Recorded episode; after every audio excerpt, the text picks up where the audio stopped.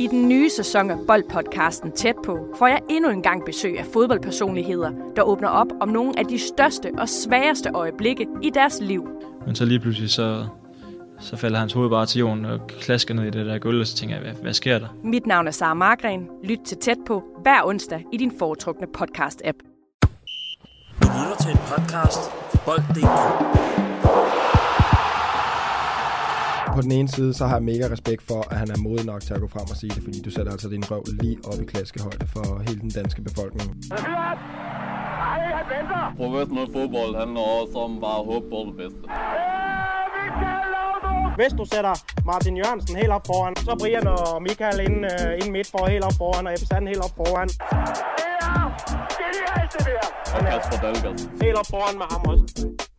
Dobro jutro, dobro jutro. Og ja, du hørte rigtigt. Dobro jutro igen. Ja. Sidder vi her lige pludselig en uge til. 32 runder er spillet, og vi har fundet en mester og to nedrykkere. Og højst overraskende, så blev det altså OB, som inden den her sæson, der var det kun FCK, FC Midtjylland og Brøndby, der var spået til at have større chancer for at vinde Superligaen ifølge bookmakerne end OB. Men nu skal vi altså en tur, eller de skal en tur ned i uh, landets næstbedste række, og ja, så skal de altså have de her lange ture til, til Vendsyssel. Det ved du mere om, øh, Forsten, men det kan vi høre om lidt senere. Det skal vi altså vende i dagens afsnit. Velkommen til lige på. Mit navn er Sandros Pasojevic. Og med mig, der har jeg dig, Lasse Forsgaard. Jo, tak. Velkommen til. Jo, det er jeg glad for. Vi skal blandt andet tale om det her med, med OB's nedrykning. Lyngby, din gamle klub, som overlevede. Og så skal vi have kåret en øh, lige på startelver for hele sæsonen. Men jeg vil gerne lige høre dig, det her, øh, vi skal nok vente kort, men det her Great Escape i Lyngby, at, altså, hvor vildt er det? Det er vanvittigt. Altså, de har jo været under stregen hele sæsonen, og kommer først op over med, hvad, øh, under en halv time tilbage i sæsonen. Det, det er sindssygt. Jeg, jeg under alle øh, trænere og spillere derude, det er så meget. Øh, men det, det er selvfølgelig også uh, hårdt samtidig at skulle se en, en klub som OB i den, i den anden bedste række. Men uh, sådan er gamet jo. De havde jo selv chancen for at bare kunne gøre det færdigt på hjemmebane, og det lykkedes de ikke med. Så, To gange havde de. Ja, så man kan sige, at de, øh, de ligger som de selv er ret. Og det er selvfølgelig uh, ærgerligt for fodbold Danmark, at så stort et hold skal ned, men uh, det er et resultat af mange dårlige beslutninger i en lang overrække nu, både på træner, på sportschef og så videre. Så der er blevet taget rigtig mange dårlige beslutninger, og det er dem, de betaler konsekvensen af nu. Dem skal vi altså også dykke ned i. Men øh, var der ikke også Lyngby, der, da de rykkede op i Superligaen, der var de også kun over, eller kan man sige på oprykningspladserne i nærmest noget fire minutter Jo, der var jeg selv med. til allersidst. Jeg tror, ja, det var præcis. tre minutter før tid, var vi for første gang i sæsonen over stregen til at rykke op. Hvordan var de rykket op der egentlig? Bare lige for at fortælle lytterne. Jamen, det var, vi møder jo øh, Helsingør på udebane, og samtidig spiller Næstved en kamp på hjemmebane, hvor hvis, øh, jeg tror, de har plus øh, et eller to mål mere end os, så vi er lidt afhængige af, om hvor mange mål vi skal op og score. Og så til sidst øh, kommer Gertsen ind, som har haft en brækkefod siden første kamp, og scorer to mål på hovedet inden for det sidste kvarter. og så lige pludselig går Næstved, de, sats, de ved, de skal op og satse, og så ender de så med at lukke et mål ind på en omstilling, og så slutter den sådan der. Og så skal vi ud i playoff-kamp mod Vendsyssel, men altså, det er jo fuldstændig vanvittigt. Det er jo, det så vi jo også på billederne i går, den jubel, som Lyngby øh, havde, at det bare, altså, det går fuldstændig amok jo, fordi at da det, jeg snakkede med Pascal Grækker, han var til samme bryllup, jeg var til, øh, i, han kom i går, efter at Ja, du var til Hebos bryllup i Jeg går. var til Du Mathias har drukket Hebos 100 bajer, det skal jeg lige høre. Ikke 100 bajer, men, øh, men tæt på. Men øh, der kom Pascal senere på aftenen og blev øh, helt af hele brylluppet med Susu Superliga-sangen. Så, men han, øh, han sagde jo også selv, at selvfølgelig troede man på det, da man står op om morgenen, men du har stadig den der følelse, at altså, det var ude af deres hænder, fordi hvis OB selv gjorde det også, så kunne de ikke gøre noget. Så forløsningen, da det var til sidst, det var bare vanvittigt ubeskriveligt, og nok det største, de fleste af dem har prøvet i deres karriere. Jamen, det dykker vi ned i om lidt. For sådan det her, det kan være måske stadigvæk sidste afsnit. Lad os se. Lad os komme i gang.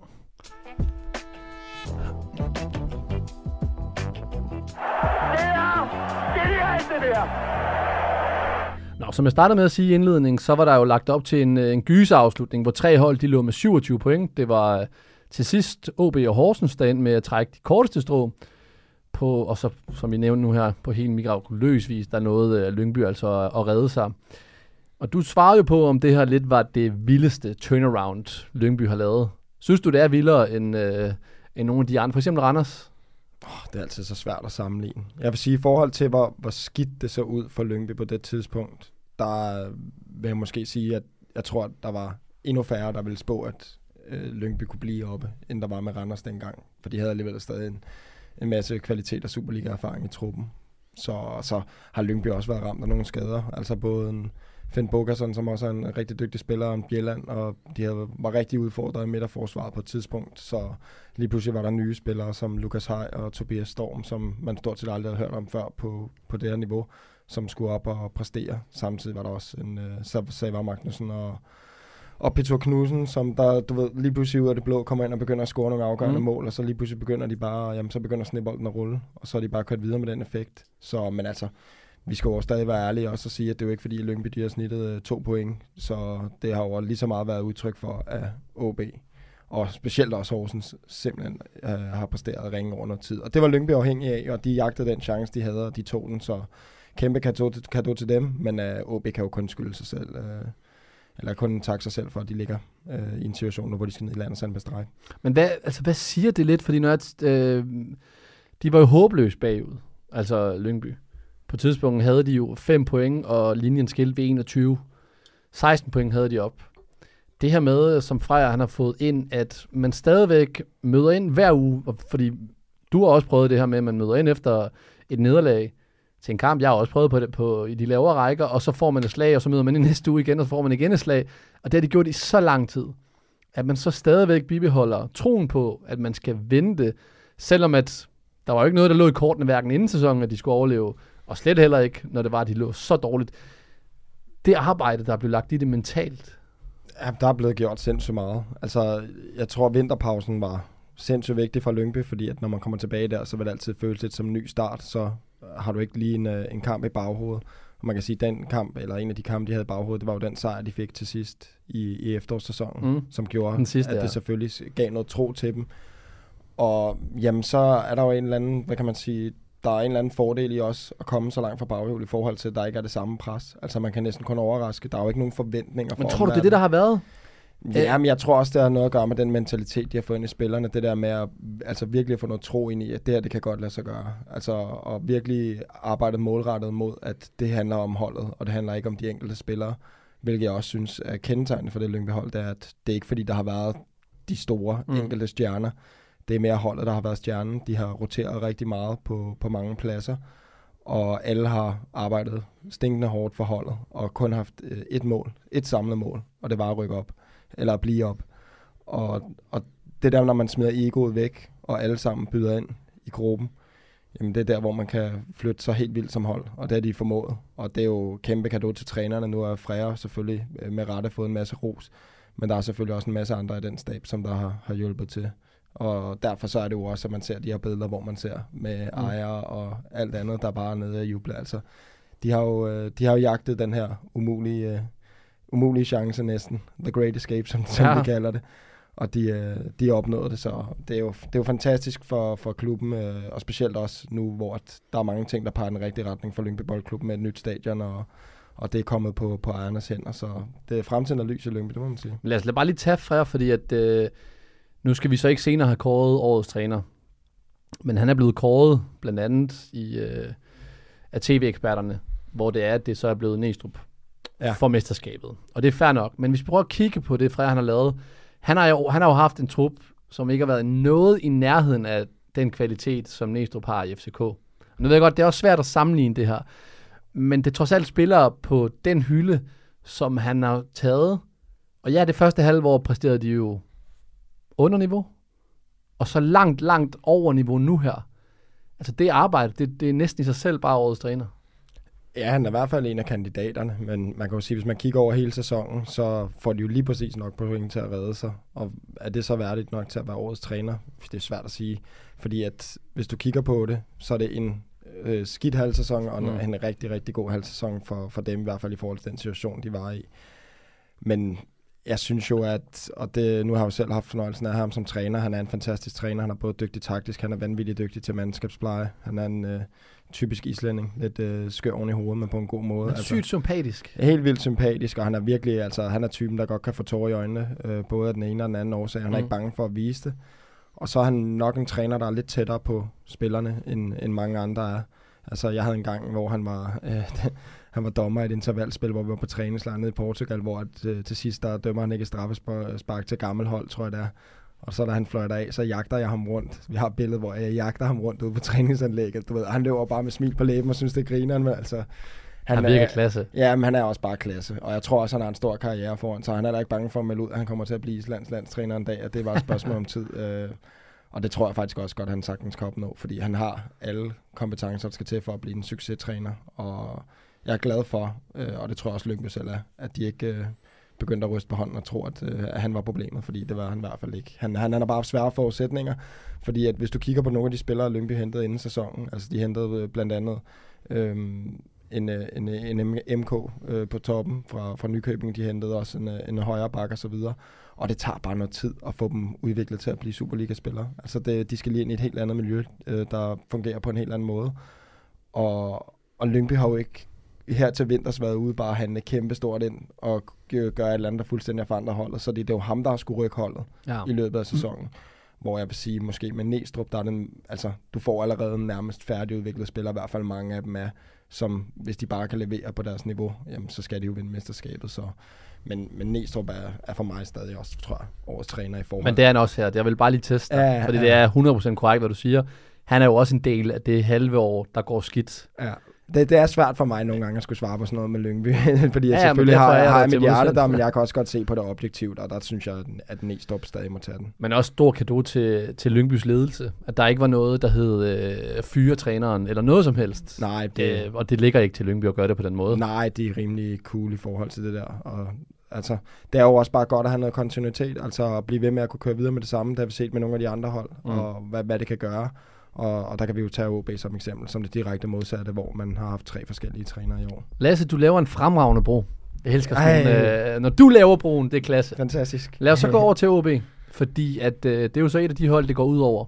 Højst overraskende, som jeg sagde, så var det jo kun de tre andre hold, der inden sæsonen øh, havde større chancer for at vinde mesterskabet ifølge bookmakerne end OB. Men er det her så den største sådan skandale nedrykning i Superligans historie? Åh, oh, jeg er ikke så gammel, så jeg ved, om der er større skandaler, men jeg vil sige, at nyere tid er det i hvert fald klart den største, øh, kan man sige, skandale. Og der er jo ikke lige én bestemt person, øh, fingeren peger på. Der er jo både nogle, nogle trænere, der ikke har gjort deres job godt nok. Der er en sportschef, som ikke har, nogle sportschefer, der ikke har, har hentet spillere. Øh, vi har snakket tidligere omkring det med målmandspositionen, mm. med at have så ubeskrevet bladet som den eneste reelle mulighed på den position, hvor stort et sats det er. Og så er der noget ledelse op over os, som der har hyret de forskellige lederpositioner, som, som heller ikke har gjort deres job godt. Så det her det har jo været en udvikling, der har været lang tid undervejs. Men jeg synes jo stadig, hvis du sidder og kigger på OB's hold, altså det er jo ikke et hold, der må rykke ned for Superligaen. Så spillerne har også et kæmpe ansvar i at, at have underpresteret. Og, og det er også derfor, man måske ser de her scener, hvor at fans går helt amok, fordi at de vil jo altid tænke, at spillerne ikke har gjort det, de skulle. Så det er selvfølgelig uheldige scener, men øh, det er jo sådan en fan, så det er jo enten øh, helt oppe i himlen, eller så er det helt nede i kulkælderen. Men det er det her med, at de er bedst på papiret. For det, det, det, kan vi jo, det er der nok mange, der er enige om, at spiller for spiller, så har de jo holdet, jamen som jeg sagde lige før, de burde jo kæmpe med op om øh, ind i top 6. Men sådan er det jo bare ikke, når vi kigger. Det er rent mentale. Vi har talt om det før, hvor meget det egentlig spiller en rolle. Fordi det her på papiret, det kan man et eller andet sted. Jeg tror, det er i NBA, Jimmy Butler, som nu er i NBA Finals, som siger, at uh, he doesn't play on paper. Fordi det, tæl, det er ligegyldigt. Ja, det er ligegyldigt. Og altså, man kan sige, OB's hold også, hvis vi kigger på dem, øh, spiller for spiller med de offensive spillere, de har specielt også, øh, jeg synes også, hvis du tager deres defensive, faktisk hvis du tager det hele vejen rundt, ja, hele så er det jo et, det er jo et dygtigt hold, mm. men når man på intet tidspunkt, i hvert fald inden sæsonen starter, overhovedet ser sig selv som en, del af den her nedrykningskamp, og man så lige pludselig står der. Jeg tror du, det har kostet den? Jeg ved ikke, om det har kostet men det er i hvert fald, det er i hvert fald svært at håndtere, fordi lige pludselig så, altså de, der er jo nogle af de her hold, vi kan tage, vi kan tage et hold som OB, vi kan tage et hold som øh, OB, øh, Randers og så videre, som for det meste ligger i den her mellemfad mm. i Superligaen. OB 8 altid. Ja, men altså, du ved, hvor man, er, øh, man kan ikke rigtig nå at vinde noget, men for det meste er man heller ikke rigtig reelt mm. i fare for at rykke ned altså, der er jo ikke det store pres på samme måde, fordi der er jo ikke de sådan, alvorlige konsekvenser. Selvfølgelig har alle kampe konsekvenser, og specielt for en selv i forhold til ens præstationer. Men det der med, at du konstant bliver mindet om, mm. hvor stor en katastrofe det vil være for OB. Altså, hvis de rykker ned. Det er jo bare et kæmpe pres at gå ind med til hver eneste kamp. Og når der så samtidig har været så meget udskiftning på den ene og den anden post, og at der slet ikke er den samme hverdag, som man ligesom kan møde ind til, så, så giver det bare nogle udfordringer. Og de udfordringer har desværre været for, for hårde for OB. Men hvem, hvem peger pilen så på? Fordi at øh, medierne har det jo med at skulle finde én søndebuk, og det findes ikke. Altså det kan vi lige så godt bare droppe det. Der findes jo ikke én søndebuk, det er jo en hel holdpræstation. Både spillerne på banen, trænerne, ledelsen, som du siger. Men hvor, hvor skal vi, hvis vi alligevel skal, skal kigge et eller andet sted hen, er det sådan et samsurium af alle de her, øh, en ledelse, der træffer dårlige beslutninger, et træner, hvor der har været fejl på trænerposten, spillere, som ikke har kunne finde rundt i det her virvar. Er det gået ud over spillerne, alt det virvar, der har været? Det vil det altid på en måde. Altså, det vil altid give noget urolighed, når der kommer nye træner ind, og de skal have deres øh, idéer inkorporeret. Altså, der er ikke nogen tvivl om, Hiljemark, han er den træner, der har gjort det bedst for OB i år, men man kan selvfølgelig godt helt tilbage og kigge på, om, om fyringen af Lars Friis var den rigtige beslutning, fordi at efter det hyrer man ham ren, og det viser sig at være fuldstændig katastrofal beslutning. Mm. Samtidig har, altså vi kan ikke sidde her begge to og sidde og sige, at Lø, OB har fantastisk hold på papiret, og så sidde og sige, at det er sportschefens skyld. Ja. Men der er stadig, altså målmanden, den målmandspost der, den er stadig så altafgørende for et fodboldhold, og i forhold til at øh, redde fodboldkampe, kan man sige, at der jo selvfølgelig har været et kæmpe svigt på det område. Men for mig, der peger pilen allermest helt op i toppen. Fordi hvis man har tre forskellige trænere på et år, mm. og man har forskellige sportschefer med svingende øh, succes de sidste par år, og ikke har fået udfyldt nogle af de huller, der har været, så er det jo, så er det jo de forkerte mennesker, man har hyret. Altså, og så, der synes jeg generelt ikke, der er blevet taget nogen rigtige beslutninger overhovedet de sidste par år. Jeg kan sige, at Hiljemark var jo lidt en gave i, at han kommer som spiller, men overhovedet ikke bliver den succes, han, altså, han var, man håbede, han skulle være, fordi han var jo skadet jo. Ja, altså. ja og du tænker som spiller. Men, men så falder han så lidt mm. ned i, i skødet på en som en mulighed til at kunne overtage som træner. Så, men altså, ja. og, og vi roste ham jo, eller jeg gjorde i hvert fald, for nogle runder siden, fordi jeg synes, han havde vendt det her OB-hold. Ja, det har han jo også, og jeg tror også, hvis Siljemark har været træner over hele sæsonen, så havde OB overhovedet ikke været et tema til, til nedrykningskampen. Men det er bare vanvittigt svært at komme ind der til sidst. Og, og altså, alle hold kæmper med næb og klør for, for at overleve, så jeg synes jo, at Hillemark også øh, på sin vis har gjort det rigtig godt, så, og jeg tror også, at han selvfølgelig nok skal få OB tilbage i den bedste række næste men, år. Men synes du, det er, fordi nu forlængede OB med Hillemark, var det måske en, en my for tidligt, at de gjorde det? Nej, det synes jeg ikke. Altså man kan jo sagtens øh, se, øh, hvad der ligesom bevæger sig på træningsbanen, og hvordan spillerne reagerer på ham, og de jo mm. også, altså det kan jeg selv huske i Lyngby, når vi fik en ny træner, eller øh, whatever. Altså, så var sportschefen og direktøren, de var lige pludselig nede en gang imellem til videoevaluering eller til møderne inden kamp og så videre, for de ville jo gerne lige se, hvad, hvordan er han over for gruppen, hvad for en type er han, øh, kan de se på spillerne, de tror på ham og alle de ting her. Og det tror jeg, hele Mark, øh, han har fået en masse tro ind i spillerne. Desværre var det bare ikke nok. Hvad, nu, nu, nu kan vi så fjerne os fra det her, sådan rent dine følelser. Kommer vi til at savne OB i Superligaen? Fordi næste sæson, der hedder det jo så Vejle, der rykker op, og Hvidovre, der rykker op kæmpe klub i OB, der rykker ned. Ja, ja, altså det gør man jo på en eller anden Jeg er i hvert fald ikke i tvivl om, der er nogen i Aalborg, der kommer til at savne dem. Men altså, sådan er gamet jo. Altså nogle gange, så skal man også lige ned og vende. Vi kan også huske, at AGF tidligere har været nede og vende i første divisionen og andre store klubber. Altså det kan jo ske, hvis man får en helt forfærdelig sæson. Men, men ja, der er, der, der er en masse spillere på OB's hold, jeg kommer til at savne. Altså der er jo mange af de spillere, som jeg mener er Superliga-spillere. Altså Uh, vi kan tage en talent, altså Fossum, uh, Helenius, uh, Bakis, Sosa, altså Lukas Andersen, Prip. Altså der er jo mange spillere, mm. som vi har været vant til at, at have nyt at se i Superligaen, som har præsteret fantastisk. Men de har jo også alle sammen delt det her, og det glæder mig faktisk rigtig meget til at se også, der, hvem der hvem der er villige til at gå på kompromis, kan man sige, med deres egen karriere lidt i forhold til at hjælpe OB op igen, for de har jo selv også en skyld i det her. Ja, men, hvad, men, men det er jo også den der evige snak om, om, om spillere skal hjælpe klubben tilbage igen. Fordi spillerne har også gang i deres egen karriere. Og det er jo ikke alle, der har et, et, et hjerte for klubben, og skal vi nok komme ind på det senere, Kasper Kusk, som så spiller for Silkeborg. Men det her med, at, at hver spiller har jo, driver jo sin egen bæks, er CEO i egen bæks. Og vi så det også, da Juventus øh, i Calciopoli-skandalen rykker ned i 2006. Der er jo også nogle spillere, for eksempel Zlatan, der smutter efterfølgende. Buffon bliver i klubben og tager klubben med op igen. De spillere, der måske gerne vil væk fra OB. Er det ikke fair nok?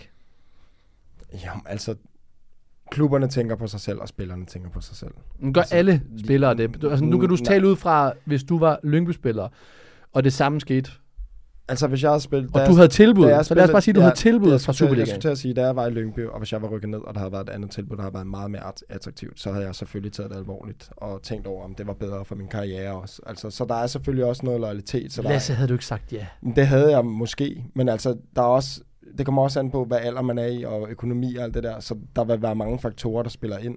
Jeg vil lyve, hvis jeg ikke sagde, at loyaliteten også spillede ind. Fordi at jeg, jeg synes jo også, det kunne være fedt at være i den samme klub i lang tid. Men det er jo også forskelligt. Altså nu til dags, så er Ja, der, er jo ikke meget loyalitet i fodbold nu til dags, lad os være ærlige. Overhovedet ikke. Altså, det er der ikke. Men man ser de her enkelte klubmænd. Jeg vidste jo ikke, da jeg startede i Lyngby, at jeg ville ende med at være der i 10 år. Og hvis der lige pludselig var kommet et eller andet tilbud, der har været altså, langt bedre og en mega fed mulighed, så var der sikkert også skrevet. Men også som ung spiller vil du også have gjort det, og jeg tænker også, at nu putter jeg ordene i munden på dig, så må du bare øh, modbevise mig.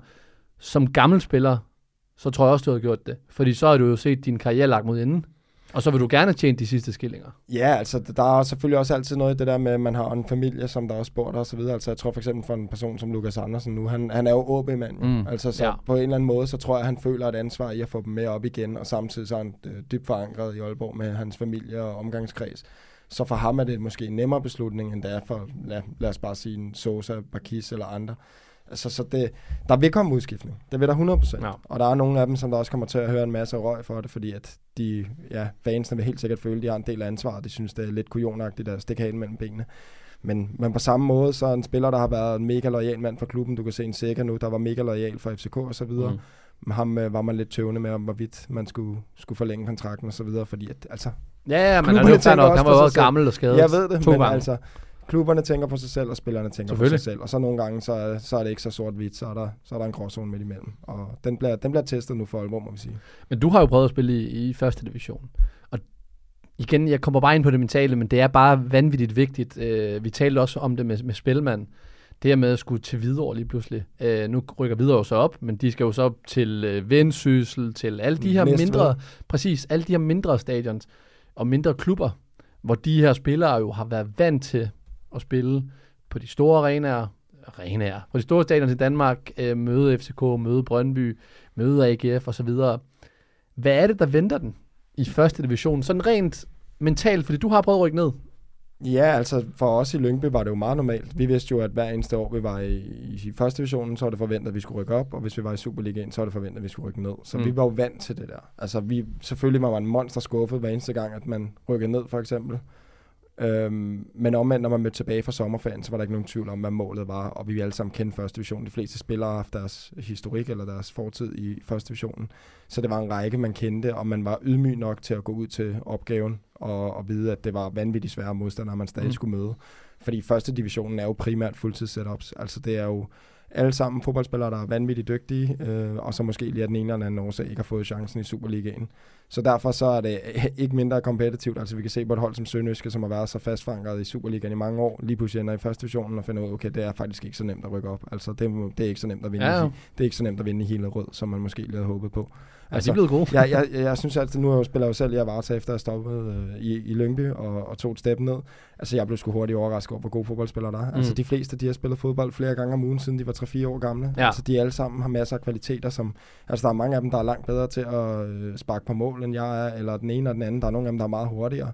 Så det er jo bare lige det der med, at i Superligaen og, og på det øverste niveau, der skal du være rimelig, øh, hvad kan man sige, kontinuerlige gode præstationer, og samtidig have den her modstandskraft øh, mentalt i forhold til det der med, at man er i konkurrencemiljø, hvor du hver eneste dag kæmper for dit job. Og, og der, der skal man have noget speciel styrke, men, men OB's store udfordring, det bliver det der med at komme ned og skulle, skulle over på nogle, på nogle udebaner, der måske ikke lige øh, øh, bringer motivationen frem i en. Så skal man altså selv finde det der dyr frem i sig, og, Aha. og det, det, det er nogle gange nemmere... Nemmere sagt end gjort, og, og det bliver en kæmpe udfordring for dem, fordi at der er ikke nogen tvivl om, at der er mange hold, at de kommer til at møde i første divisionen, som vil være tilfredse med bare at få uafgjort og måske stille sig ned og være lidt primitiv, og så er, det, så er der nogle andre ting, som øh, OB lige pludselig skal frem. Jamen, jeg talte, øh, for, det var da vi lavede øh, EM i 21, tror jeg det var, med Mike Jensen, om præcis det her. Hvor han så siger til mig, at øh, det at spille i første division, det er meget sværere end at spille i Superliga, siger han. Fordi når du, når du har bolden inde på midten, så i Superligaen, der respekterer modstanderen dig og den plads, du skal have. Fordi at, ja, du, du kender det måske selv, men i første division, der sidder de bare lige i haserne, fordi de bare tonser rundt, siger han. Ja, der er også noget motivation i forhold til alle hold, der kommer til at møde OB. Det kommer til at være lidt ligesom en pokalkamp for dem. Altså, Mm. de kommer til at, nogle af dem, de ser på banen, det er jo måske ikke deres idoler, men nogle spillere, de ser op til. Så derfor så kommer de til at være helt tændte hver gang. Altså alle sammen vil gerne tage bolden fra Helenius, eller øh, score på øh, mod talenter, eller et eller andet. Altså der Mm. er noget motivation også i forhold til de andre hold, der møder OB. Altså de kommer til at være toptændte hver gang. Også fordi første division bare er en fysisk hård liga. fysisk hård liga, og så er der rigtig mange udviklingsspillere i første division, som alle sammen har store ambitioner. Der er ikke nogen, der kommer til at lægge sig ned, så det bliver en vanvittig svær ja. opgave, og med dem næste år, og med, med Horsens, der kommer ned, som også kender rækken, og så et sønderjyske hold, som nu har været der et år. Det bliver, altså, der, er- Helsingør, der er, som også gerne vil op. Helsingør Der- vil stadig gerne op, og der er også nogle andre hold, som der er altid nogen, der lige pludselig overrasker. Det kommer til at blive rigtig hårdt for OB. Jeg, jeg tvivler på, at de bare kommer til at blæse igennem. Det er sjældent, vi ser det i hvert fald, når, når de har hold lige nede en, en tur. Men det vil jo være en Ja, ja. endnu større katastrofe for OB, hvis de ikke rykker op. Men det er en historisk stærk første division, vi får næste år. Vi talte om det lige uh, lidt tidligere. Men i pausen af den her kamp, der blev Kasper Kusk udskiftet. Og efter kampen, der er han jo uh, tydeligvis meget rørt, da han fortæller til, øh, til Viaplay, at han ikke kunne spille kampen færdigt. Eller han kunne i hvert fald ikke spille videre efter anden halvleg, fordi at øh, hjertet jo er i OB. Og så kommer det helt store spørgsmål, Lasse. Er det uprofessionelt af ham, at han ikke kan spille den her kamp her? Oh, jeg har været så meget i tvivl om den her, fordi at på den ene side, så har jeg mega respekt for, at han er modig nok til at gå frem og sige det, fordi du sætter altså din røv lige op i klaskehøjde for hele den danske befolkning og Silkeborg-fans og hvad der ellers er. Og men så kan jeg sgu godt forstå ham lidt. Altså, han, har, han er OB-dreng. Han har sikkert en masse af hans bedste kammerater, der spiller på det hold. Silkeborg har ikke en skid at spille for. Altså, og så skal han ud og, og skyde sin egen klub ned. Et eller andet sted synes jeg, det er modigt, at man tør stå op og, og sige det. Fordi at, der er jo ikke nogen tvivl om, at hvis du kigger rent og, og skær fra, fra et, et, et arbejdsmæssigt perspektiv, altså det er hans arbejde at gå ud og præstere for Silkeborg. Han skal Mm. ikke have noget tilhørsforhold til OB, men han går så bare ud og indrømme, om det, det har jeg. Altså det, det, det kan jeg ikke lade være med.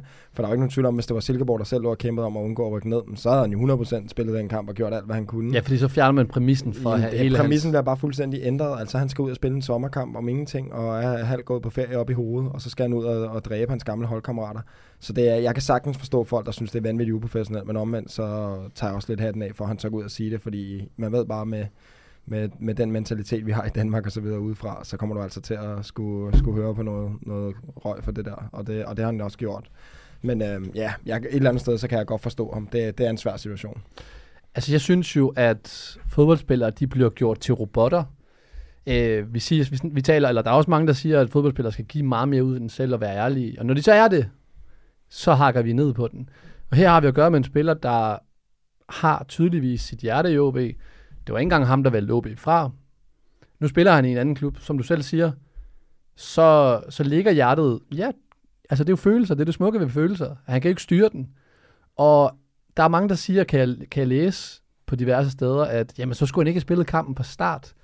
Jamen det er da fair nok at have én følelse inden kamp, og tænke, at han gerne vil gå ind og præstere, og så finder han ud af, at det kan han ikke. For mig havde det været langt mere uprofessionelt, hvis det var, at han godt kunne mærke på sig selv, at det her, det kan jeg ikke, det kan jeg ikke fuldføre. Men stadigvæk gå ind, spille på 50%, det havde været unfair over for både Horsens over i den anden kamp, Lyngby, fordi at Silkeborg jo så nærmest havde været 10 mand på banen. Ja, altså det, det havde, jeg er helt enig med dig. Det havde været langt værre, hvis han havde spillet kampen og bevidst ikke havde præsteret på det niveau, han skulle. Eller han vidste, han ikke kunne, fordi han simpelthen havde for svært ved det. Det havde været langt værre, fordi du bliver nødt til at have noget respekt for dine kollegaer i de andre klubber også. Og hvis man selv havde været i samme situation, så havde man selv bandet og svogle, at modstandere, øh, et af de andre hold, de ikke gjorde, hvad de kunne. Vi har jo også set det her scenarie tons af gange før med spillere, der er blevet udlejet, hvor der ikke har været klausul i, hvor de stadig kunne møde deres gamle hold. Mm. Altså jeg kan huske kampe også, hvor nogle gamle Real Madrid-spillere var blevet lejet ud, og de endte med at ødelægge mesterskabet for dem, og vi har set det andre steder. Altså, så jeg kan sagtens forstå, forstå, at det kan være et mega svært dilemma. Og der må vi også bare sige, at mennesker er forskellige. Mm. Altså, der er nogen, der sagtens vil kontere det, og bare kunne øh, efterlade alt det andet. Og, og så er der nogen, der ikke kan. Og altså, hvis Kusk han havde været den, der havde scoret, lad os sige, det afgørende mål, der havde sendt OB ned, så havde han formentlig øh, haft dårlig samvittighed over det resten af sit liv. Så et eller andet sted kan jeg godt forstå, at han, han hellere vil trække sig fra situationen, og, og derfor synes jeg også, det er modigt, at man så siger det, fordi det er meget kontroversielt. Ja, og jeg synes også, man skal stoppe med at sammenligne med, med arbejdspladser og normale arbejde, hvis man må sige det sådan. Fordi det, det her, det handler om, vi ser jo fans, når folk de rykker ud af Superligaen, jamen, så græder fans, eller når, når FCK vinder mesterskabet, så folk de fester. Øh, Kusk er også fan af OB, selvom man så er rådet ind og blevet, og blevet spiller for OB. Så det her med at sammenligne det og sige, at det er det samme som, som ude på erhvervsledet glemte, det er overhovedet ikke det samme, fordi man har jo ikke de samme følelser. Du er jo ikke øh, fan af Novo Nordisk, eller... Nej, altså det er jo umuligt at sammenligne sport på samme måde. Vi har også set finaler i tennis med, med Williams-søsterne og så videre, hvor de altså står og jubler og samtidig står og græder, for den anden har tabt. Altså det er, det er mere kompliceret end som så. Det er svært at stille det op så sort-hvidt. Fordi det er klart, hvis du har spillet en klub hele dit liv, siden du var helt ung, og, og samtidig ja, kender rigtig mange af spillerne fra det andet hold, så vil du føle med dem på en eller anden måde. Så jeg synes, det var fint, at han trak sig på den situation. Men hvad havde du gjort, hvis det var, at det var en af dine egne holdkammerater, der havde været på den her måde? Altså, jeg tror, jeg, jeg, tror, jeg, jeg tror, jeg selv havde spillet kampen, men det er nemt at sige for mig. når Jamen, det er jo din egen, det er jo fordi situation. dine egne følelser. Ja, jeg vil sige, fordi Silkeborg ikke har noget at spille for, så tror jeg ikke, jeg har haft noget problem med det. Hvis Silkeborg til gengæld har haft noget at opnå, men så, jeg, ikke- så tror jeg slet ikke, situationen var opstået, for så har Kusk 100% varetaget hans egen interesse også. Men der var bare ikke nogen interesser. Der var ikke nogen konsekvenser for Silkeborg i den her kamp. Og derfor så synes jeg, at uh, ud fra den præmis, der var for den kamp, så, så var det en rigtig beslutning. Kus katten af for dig. Vi er også mennesker. Eller I er også mennesker. Men indtil nu, vejret er bra, gården er bra, Morten er bra, hotellet bra, internet fungerer. Selv jeg, som er en gammel mand, tykker, at man, jeg sover godt i sengen. Ingenting at beklage sig over. Nu skal vi have stillet, øh, Lasse, årets hold, årets lige på hold for den her sæson. Og der er ikke noget med forårets hold. Det er hele årets Det hold. er helt over. Vi skal have samlet hele den her sæson op og have fundet de 11, som øh, du synes var, øh, var de bedste. Ja, Og vi har jo talt om målmandspositionen før. Ja. Men vi kan jo bare lige tage den med. Der var jo et dilemma herinde, om det skulle være Jesper Hansen, Grabara. Jeg mente jo også godt, uh, Mads Hermansen kom på, men det, det, det synes jeg ikke. Mm. Hvem har du taget på, uh, på årets hold som uh, keeper? Jamen, jeg har valgt uh, Jesper Hansen stadig. Jeg synes, den, den er svær, men uh, AGF har generelt været sindssygt god til at, at lukke af, og han er også den, der har flest clean sheets. Det, det er der også uh, stor ros til hans forsvar for, men uh, jeg synes, hvis man kigger over hele sæsonen, så synes jeg, at Jesper Hansen har været den bedste. Og det, det kan godt se som nogen som lidt kontroversielt, men øh, jeg synes, altså, det er meget, meget tæt, og jeg synes, man kan argumentere for begge to. Jeg synes bare, hvis du kigger over hele sæsonen, så har han været super stabil, og Selvfølgelig har der været nogle svipser her og der, og det har alle målmænd, men øh, jeg synes generelt, at øh, hvis man skal kigge på en, en slags MVP øh, i forhold til, hvem der har været mest vigtig for, for holdet, så vil, jeg, så vil jeg også sige Jesper Hansen. Så jeg, jeg har Jesper Hansen som målmand. Og Grabara havde jo også, øh, han var jo også ude og havde den her konkurrence med Matt Ryan. Så det er vel også... Øh, Altså, hvis det var et hold, fair. jeg selv skulle stille, som jeg selv vil have spiller, så ville jeg nok ikke være helt glad for det ballade, der var udenfor med Gravare i hvert fald. det, nej, men det, det klarer de godt. ja, det, Det må vi sige på bag. Altså, det har de klaret godt. ja, altså kigger på, på bagkant, øh, i hvert fald efter Ryan var væk, så han, så han ikke kigget sig tilbage. Så, men øh, nej, jeg, jeg tager Jesper Hansen. Jesper Hansen, vil vi lige høre, hvad, hvad er din formation? Jeg stiller en 4-3-3. Jeg havde overvejet Yes. yes. 4-4-2. Jamen, det gav jeg dig men, simpelthen ikke lov ja, men, til. de, ej, men også de spillere, jeg havde valgt nogle af pladserne. Altså, det var jo nærmest 11 offensive spillere, så, så jeg, blev, jeg blev nødt til at, at, at, passe lidt på. Altså valgte jeg en 4-3-3. Er det med Libro og Sweeper, eller er det bare... Øh... Nej, de, har fri, de har frie roller alle. Ja, præcis. En firebakkæde, lad os starte over i, øh, i venstre side. Hvem har du på venstre bak? Ja, men altså, jeg har jo øh, to højrebacks, kan man sige, på mit hold. Jeg har både øh, Anton Gej fra, fra Viborg, og så har jeg Jelert. Så må, de, så må de selv finde ud af, hvem der skal spille, for en af dem. Men, øh, Det er de to backs. Det er de to backs, jeg har på mit hold. Altså, jeg synes jo, at Anton Gej har været en kæmpe åbenbaring i Viborg. Har haft øh, vanvittig stor øh, skyld i, i den succes, som de har, de har haft i år. Og man kan sige, at det her Viborg-hold har jo også hele tiden skulle skifte lidt ud. Der været nogle spillere, der forladt dem. J.W. Groth og Christian Sørensen og hvem der ellers har været, der har forladt dem. Men han har simpelthen kontinuerligt igennem hele sæsonen præsteret på et vanvittigt højt niveau. Og han er nok også en spiller, som øh, formentlig er meget attraktiv for andre og, og, og kan blive hentet. Så han var faktisk mit første valg på bakken. Og så, øh, Men var- må vi lige tage ham hurtigt, fordi han er 20 år og har kontrakt til, øh, til øh, sommeren 26. Jamen, Du er siger selv, han er altså som 20 år. Jamen altså, det er jo klart, at alle klubber, når de, når de kigger på et spillere, der kommer op og, og så hurtigt etablerer sig i en kompetitiv liga, som Superligaen er, de tænker jo på, om de kan rykke dem yderligere. Så Mm. der er ikke nogen tvivl om, lige nu han måske vil være god nok til at kunne spille i en større liga, måske øh, for et, øh, et lavere hold. Men, men de kigger jo på, at det er en spiller, vi kan udvikle, at det er en, vi kan rykke endnu mere. Og der er det jo klart, at øh, kvæg hans alder, og kvæg han er en klub, hvor prisen måske ikke er fuldstændig outrageous, jamen, så er der stor chance for, at øh, det er en spiller, man kan hente og se som en forbedringsmulighed. Som, øh, som en, der måske kan tage et skridt mere, og som man en dag kan sende videre for, videre for et endnu større beløb. Og, og det er jo vanvittigt attraktivt, så derfor så tror jeg også, at han bliver rigtig svær for Viborg at holde. Men hvis man får en god pose penge for ham, så er det jo stadig en succeshistorie. Og har spillet to kampe for, øh, for U21-landsholdet. Den anden, det var Jelert. Den anden, det er Jelert, og der har jeg været lidt i tvivl, fordi jeg synes, der er andre, der øh, også er gode kandidater. Jeg synes, at Mølgaard fra, fra AGF også har gjort det rigtig godt. Men øh, jeg synes jo, Jelert har, har vist noget af det går på mod, og den fight og den energi, som har været med til at kendetegne det FCK-hold efter Næstrup han har overtaget. Jeg synes, han er modbydelig og, og altså over for hans modstander hver eneste kamp. Det er ikke over, det er ikke unormalt, man ser øh, modstandernes øh, spillere på positionen over for Jæler, de bliver skiftet ud, fordi han simpelthen bare har løbet dem ned hele kampen. Altså, han er en af de der irriterende typer, tror jeg, der kunne spise øh, fire McDonald's burger og syv øh, Sunday Ice, og så stadig gå ud og, og løbe en maraton på rekordtid. Altså, han er, han er bare modbydelig, og jeg synes, der er ikke nogen tvivl om, at hans slutprodukt på den sidste tredjedel kan stadig blive bedre i forhold til at blive endnu skarpere mm. i hans afgørende øh, situationer. Hans positioneringsevne rent defensivt kan stadig nogle gange godt øh, være lidt shaky, men han har jo også en fart, der gør, at han kan, han kan gøre op for det, og vi skal også stadig respekt for, at han er så ung en spiller, så selvfølgelig er han ikke et færdigudviklet produkt. Men øh, jeg havde svært ved ikke at få ham med på min start, eller så derfor var han også ind ung spiller, som også har fået, øh, som også er kommet ind omkring det danske A-landshold, så øh, fuldt fortjent til, til Jelert. De to øh, midterforsvarer, hvem oh, er du ude i der? Nu bliver det kontroversielt. Den Kom første er ikke kontroversiel overhovedet. Det er Bisek. Det, det tror jeg næsten ikke, at der er en eneste i Superliga, ah. eller en eneste Superliga-fan, der kan diskutere. Bisek, han er den første øh, på valget i midterforsvaret. Og så er det her, at den bliver lidt grå, fordi øh, der har vi en Nagalo, som jeg synes var helt fantastisk i den første halvsæson, som jeg til gengæld synes dalede voldsomt meget niveau i den her øh, halvsæson. Så er der en Kian Hansen, som jeg synes har gjort det glimrende også, øh, i forhold til, at man kan se, hvad for en hold Nordsjælland er med ham på banen og uden, og, og de lederegenskaber, han også har, og helt sikkert bidrager med i Nordsjælland.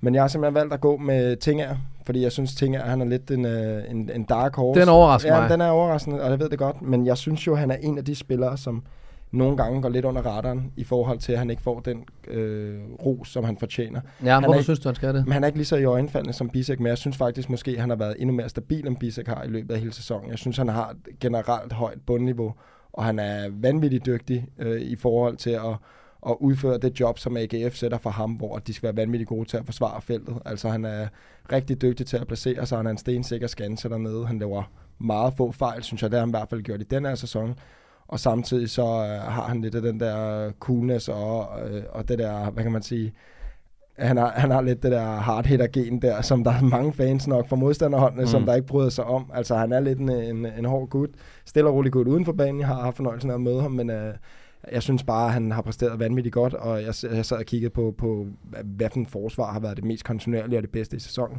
Og der synes jeg, at både Bisek og Tinær har været vanvittigt gode, så hvis jeg selv skulle stille hold øh, ud for dem her, så ville det være de to. Du kan to GF'er. Det er stærkt. Jamen, øh, det er jo dig, der skal sætte holdet. Men øh, jeg, jeg vil sige, at den ene 50 procent, der, har, der er jeg fuldstændig enig ja. i, i Bisek Black. Men jeg, altså, Nej. det synes jeg måske, du ved, hvis man skulle tage sådan et, øh, et bokseterm, en pound for pound, så synes jeg måske, at han er en af de bedste spillere i Superligaen. Altså, Om ja, han er, hvis, hvis, hvis du skal lave en top 5 over Superligaen for alle placeringer, så burde Bisek være i hvert fald øh, ret sikker på at være med på den liste.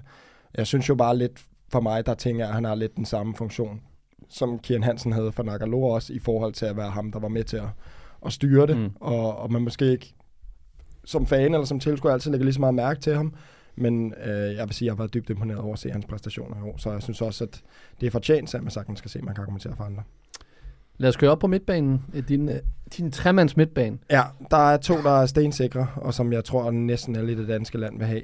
Ja. Og så er der en enkelt, som jeg har været vanvittigt meget tvivl om. Så venter jeg har faktisk ham. næsten ikke engang besluttet mig Så endnu. venter vi med ham den sidste. Men uh, altså Mads Bistrup har været en af de bedste fem spillere i Superligaen i år, og har været instrumental for, for Nordsjællands succes i år. Så derfor så skal han 100% være på. Uh, løbesvin af en anden verden vanvittigt god til at øh, erobre bolden, og, og samtidig en god spilfordeler. Så teknisk dygtig, altså han får nogle af de ting, som der kan være rigtig svære, til at se rigtig, rigtig nemt ud. Og han er altid spilbar, formentlig også, hvis du spørger ham selv, uanset hvor presset han er. Mm. Så han har også været en eller anden, øh, hvad kan man sige, han har været kendetegnende for, for det Nordsjælland-hold, som vil spille ud næsten uanset, hvor, hvor meget modstanderen presser, og, og har gjort, at det kunne lade sig gøre. Så han er jo enormt vigtig for dem i forhold til at være det her bindeled, som hele tiden kan bryde, bryde linjer og, og sætte spillet frem af banen.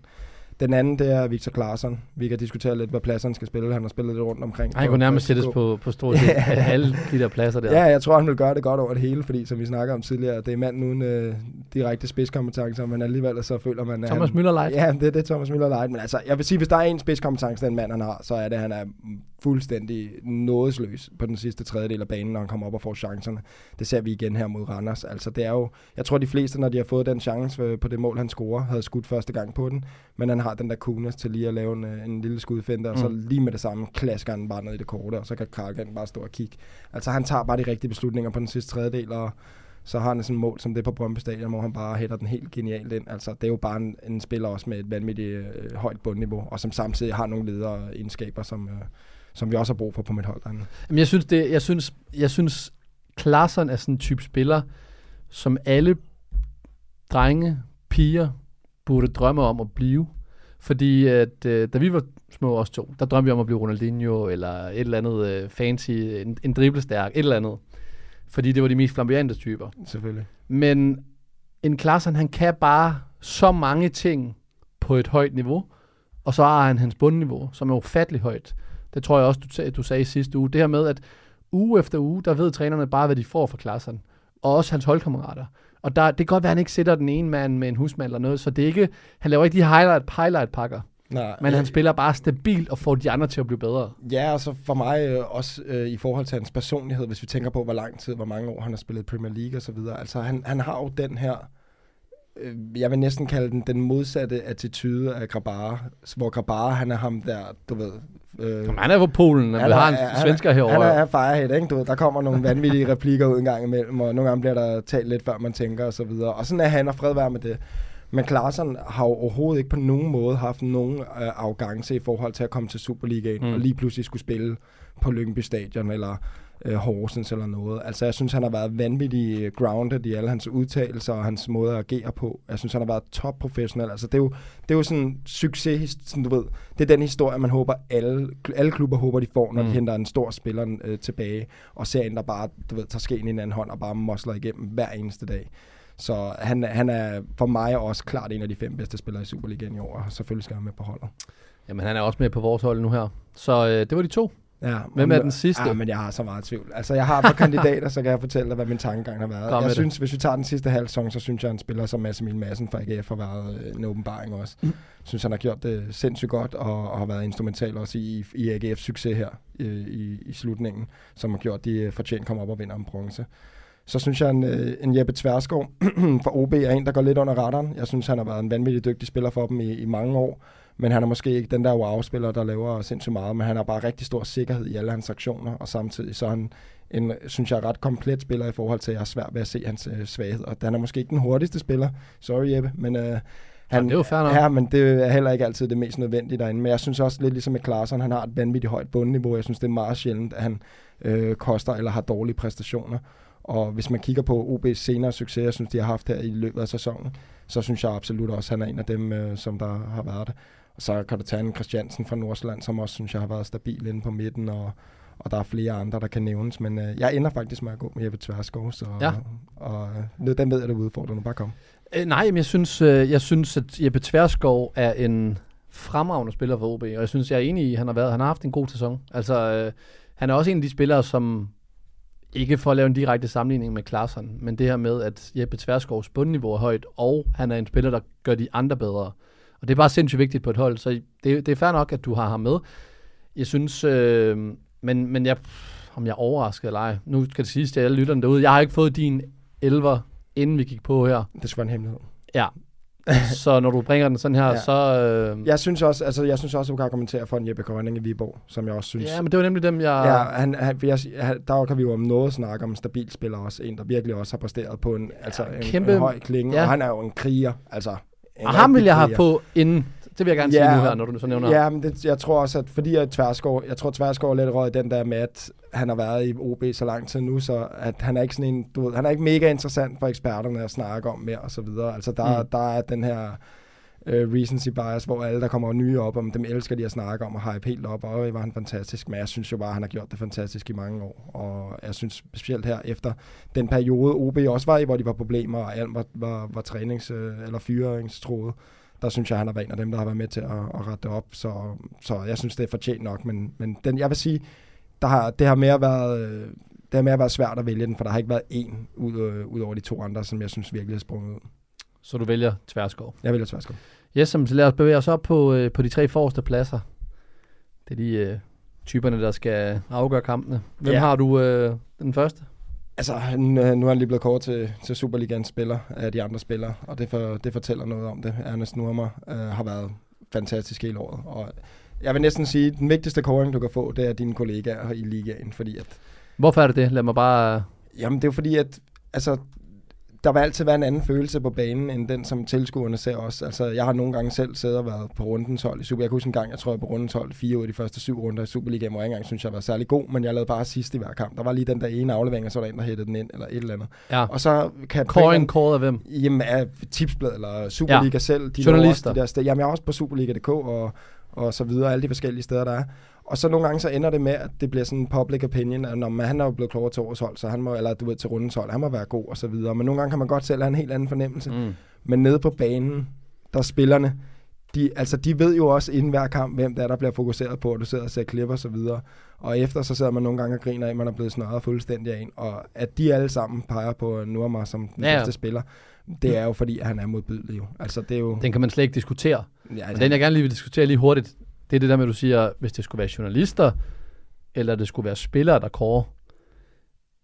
Journalister har jo ikke noget, de tager jo ikke noget parti. Jeg synes bare, at der er for tit, når man ser spillere, og skulle kåre Ballon d'Or og så videre, og man ser ja, nogle men, vanvittige point blive givet ud til spillere, fordi at de har et forhold til spillerne. Jeg vil bare Ja, lige gerne lige vende den hurtigt med dig. jeg kan, det, jeg kan sagtens se det, men jeg tror sgu ikke, der er så mange i Superligaen, der sidder og stemmer ud for personlige ting. Og specielt fordi, du må heller ikke stemme på dit eget hold, når du har de der afstemninger der. Så altså, jeg tror ikke, det er fordi, nu må han bare venner med halvdelen af Superliga-spillerne der. Jeg tror, han er rimelig cool og bare passer sin egen butik. Så, men det er ikke fordi, jeg prøver at underkende det, journalisterne siger og så, øh, så videre. Det er også vanvittigt svært, ligesom det er vanvittigt svært for mig at sidde og sætte mit hold nu. Ja. Fordi de spiller alle sammen på forskellige hold, og øh, er det ikke sværere at få succes for Viborg, end det er for FCK, og altså der vil altid være en masse forskellige variabler, som gør, at spiller ind, så derfor så er det vanvittigt svært. Og øh, vi må da også bare sige, at øh, der er rigtig mange af de her journalister, som der absolut gør deres forarbejde i forhold til, at de sidder og ser samtlige kampe og, og ved, hvad der rører sig. Så for det meste, så, så ser du faktisk også mange gange mange eksperterne være næsten helt enige i deres hold. Og, og det, Nurmar, han er jo en af dem, hvor man slet ikke kan diskutere det. Og det skal også også siges, at den her fra tipsbladet, som du refererer til, det er jo uh, Superligaens trænere, der har afgivet stemmerne, så uh, altså fuld, fuld fortjent til Ja, ja. De to andre, Jamen, øh, den anden, han er, i hvert fald den ene af de andre, det er Gustav Isaksen. Altså, umuligt ikke at have ham med. Han har jo været øh, blændende her i foråret, så ved jeg godt, der er mange, der kommer til at sige, at han har også mødt lidt dårligere hold. Jamen, hvordan har du det med det? Jamen, det er jo svært. Det vil altid gøre det svært. Han bliver også topscorer, har mødt de dårligere hold, men altså sæt båndet på, så kig, så se på Midtjylland og Mm. se den betydning, han har. Ja, Og eller, så- eller, ja. eller, eller sæt båndet på mod Lazio. Ja, altså... To gange. Ja, men han, så, Ja, han, der er ikke noget nej, der. Nej, der, du kan ikke diskutere det. Altså, han er måske den, den allermest, øh, den allerbedste spiller i Superligaen en mod en, og den eneste, der måske vil kunne udfordre ham lige på den, eller de eneste, der vil kunne, det er Nurmar og, Mm. og Darami. Og, og det er bare, altså, han er jo vanvittig god afslutter også. Altså, hans venstre ben, det er modbydeligt. Og der er ikke et hold i Superligaen, der ikke vil blive bedre af at få ham på holdet. Og han har været øh, helt genial for Midtjylland. Og han er jo, altså, det vil jeg næsten godt sætte min, eller spise min hat på, hvis det ikke holder stik. Han er væk nu. Altså, det er der ikke nogen tvivl om. Når du præsterer på det niveau, han har gjort i år, så rører han. Og vi talte jo også om, da det var, at øh, en landsholdssamling, da, da de skulle udtages, om det skulle være Darami eller ham. Altså, så, så, så man skal ikke, bare fordi han spiller nede, har spillet nede i den, kan man sige, den dårlige ende af Superligaen, fremragende spiller, og har spillet fremragende. Som man også siger selv, er meget ydmygt. Han spiller jo også på et, øh, på et dårligt hold, siger han. Men altså, ja, men, men altså, det er jo, øh, jeg er fuldstændig enig. Han Ja. skal være med på det her hold her. Ja, ja, altså, altså igen, det, der er nogle gange, hvor der, man kan blive farvet af de her forskellige faktorer, der kan spille ind, men altså, kig båndet, på- sæt båndet på, og så prøve så at kigge på Isaksen og den måde, han præsterer på. Altså, han er, han er vanvittigt dygtig, og for god til Superligaen også nu, eller det ved jeg jo godt, det hedder folk, når man siger, men han har i hvert fald præsteret på et niveau, hvor han fortjener at komme videre. Jeg tror, Sardi i Lazio har spist nogle øh, cigaretskodder efter de øh, to gange, hvor han fuldstændig rundbarberede. Gør han ikke bare det hver dag Lazio, jo jo, men han har spist endnu flere, efter, øh, efter han mødte Isaksen dengang. Hvem har du på som den, øh, som den sidste? Jamen, der har jeg så Darami, og så med det samme, så kan du øh, fornemme, at Ashuri, han ikke er med, så han er den første på bænken. Men jeg Hvorfor? Hvor, ja, hvorfor? Fordi... Øh, Jeg synes jo stadig over hele sæsonen, der, der rammer mig bedre. Shuri har lidt været en, en, en spiller, som der er dukket op her de sidste 10-15 kampe har præsteret på et endnu højere niveau. Altså, så man kan sige, hans udvikling over sæsonen har været øh, vanvittig. Øh, hvor Darami faktisk måske startede sæsonen lidt dårligt, som vi snakkede om, og sluttede måske heller ikke super godt. Men han havde en lang periode, hvor han var the difference maker for FCK, og ham der, øh, når, når det lignede, der holdet ikke havde svaret på at kunne, kunne løse tingene, så var han den, der kunne gøre forskellen. Så jeg føler, at øh, han- for mig stadig lige øh, er en spiller, jeg vil huske lidt mere for, for den her sæson, end Ashuri. Men er det måske, fordi han har haft for få kampe så, Elias Ashuri?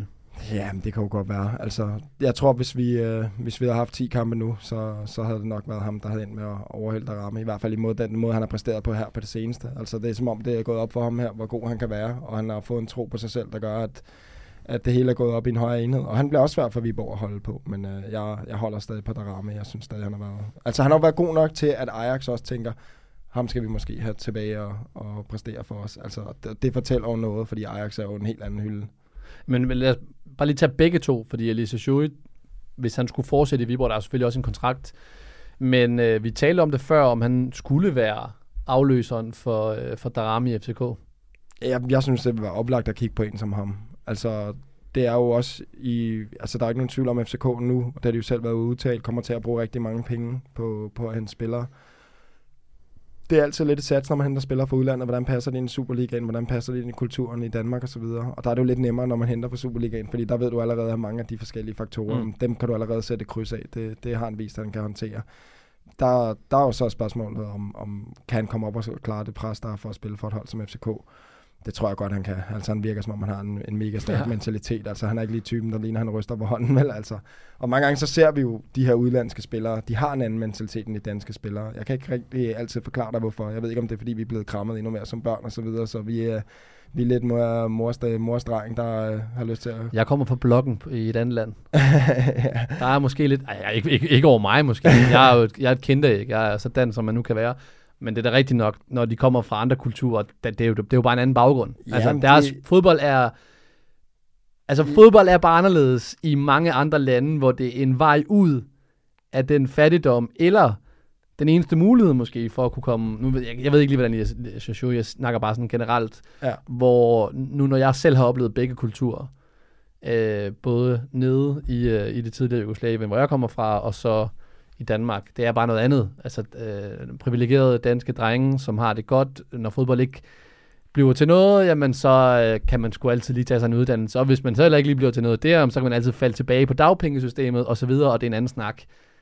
Men... Jamen, altså, jeg, jeg tror også bare i, i Danmark, altså nu kan jeg selv huske det, da vi var, da vi var yngre, vi spillede, jeg spillede i Rødovre, vi var Danmarksmester, tror jeg, det var helt tilbage i 96 eller andet, der var 10 år gammel. Og hver eneste gang vi tabte en kamp, så stod samtlige spillere græd og blev krammet af deres mor og far derude. Altså det var bare så typisk dansk. Og jeg kan lige forestille mig ned i Balkan, ikke? Altså man har jo selv set de der volleyballhold fra nogle af de der lande der, ikke? hvor træneren han bare nærmest står og pisker dem bagefter. Der er ikke nogen, der skal have ondt af sig selv. Får du det, der hedder en jammer? En det, er det, men altså, det er bare en anden mentalitet. Altså der er ikke det der med at have ondt af sig selv. Det kan vi sgu godt lidt her i Danmark også. Altså føler, åh, det er så hårdt. Og hvis træneren han giver en skideball for resten af truppen, så er han pisse uretfærdig og det ene og det andet. Og det ser du bare ikke i udlandet. Altså der er det noget sløst. Ja, vi skal selvfølgelig ikke, vi ved jo ikke, hvordan I læser. Nej, nej, det, det, det er men, men, det men det er bare mere ja, ja. generelt. Jeg synes ja, sagtens, ja, man mere generelt kan sige, at du ved, danske spillere har en tendens til at være lidt mere pussenusse, og det, det har nok også selv været. Så, så det er ikke, fordi jeg sidder og smider andre under bussen, jeg smider faktisk også mig selv under. Så. Ja, men der var det der heller ikke noget galt i. Nu røg vi lige ud af den tangent. Der er slet ikke noget galt med, med den måde. Det er derfor, vi har det fantastisk heroppe, og det skal vi være glade for. Men Elias Ashuri, Nej, sorry, det var, det var, jeg, jeg vil så gerne have ham på. ja, du må godt tage ham på, men øh, Ej, han er, gerne, det er du, du vil have Darami på. Ja. Stærk, jamen øh, det var din øh, elver. Ja. Det var min elver. Her. I have inside the wind of my town, Esbjerg. Close to the sea, I feel home. And now you are my people. Ciao, Genoa. I'm Peter. Peter Angersen, han vandt jo også. Han nåede lige at vinde det danske mesterskab igen. Øh. Efter et fantastisk return. Altså, elsker jeg lige bruge et engelsk ord, men uh, comeback. Nej, det skulle også engelsk. Hvad hedder sådan noget? Hvad hedder sådan noget på dansk?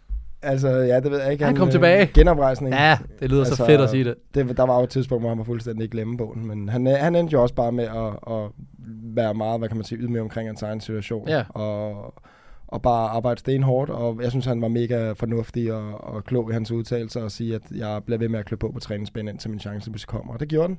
Det så gjorde den. Nogle gange så er det bedre at køre den vej, end at man lige pludselig begynder at stoppe med at dukke op til træning, eller skulle ud i medierne ja. og fortælle om, øh, hvor, hvor stor en idiot træneren er. Så han, øh, og bedre fodboldspiller, end han er skuespiller. Hørte vi i hvert fald i det her. Absolut, men jeg vil så også sige, dem, der har lavet replikkerne til det klip, der, de kunne altså også godt have gjort det lidt bedre. ja, så vanvittigt. I am, I'm Peter. Ja, så vanvittigt. Nå, Lasse, nu nåede vi til vejs Ja. Færdig for den her sæson. Ja, og så må vi se, hvad fremtiden bringer. Så må vi se, hvad fremtiden bringer, om vi er tilbage øh, i næste sæson. Det håber vi begge to, vi er. Det håber vi. Enten her, eller så er vi tilbage et andet sted. Vi er i hvert fald tilbage. Vi er tilbage altid. Derude, hasta la vista. Du lytter til et program fra Bold.dk, og hvis du kan lide, hvad du har hørt, så husk at trykke abonner. Og så tak, fordi du lyttede med.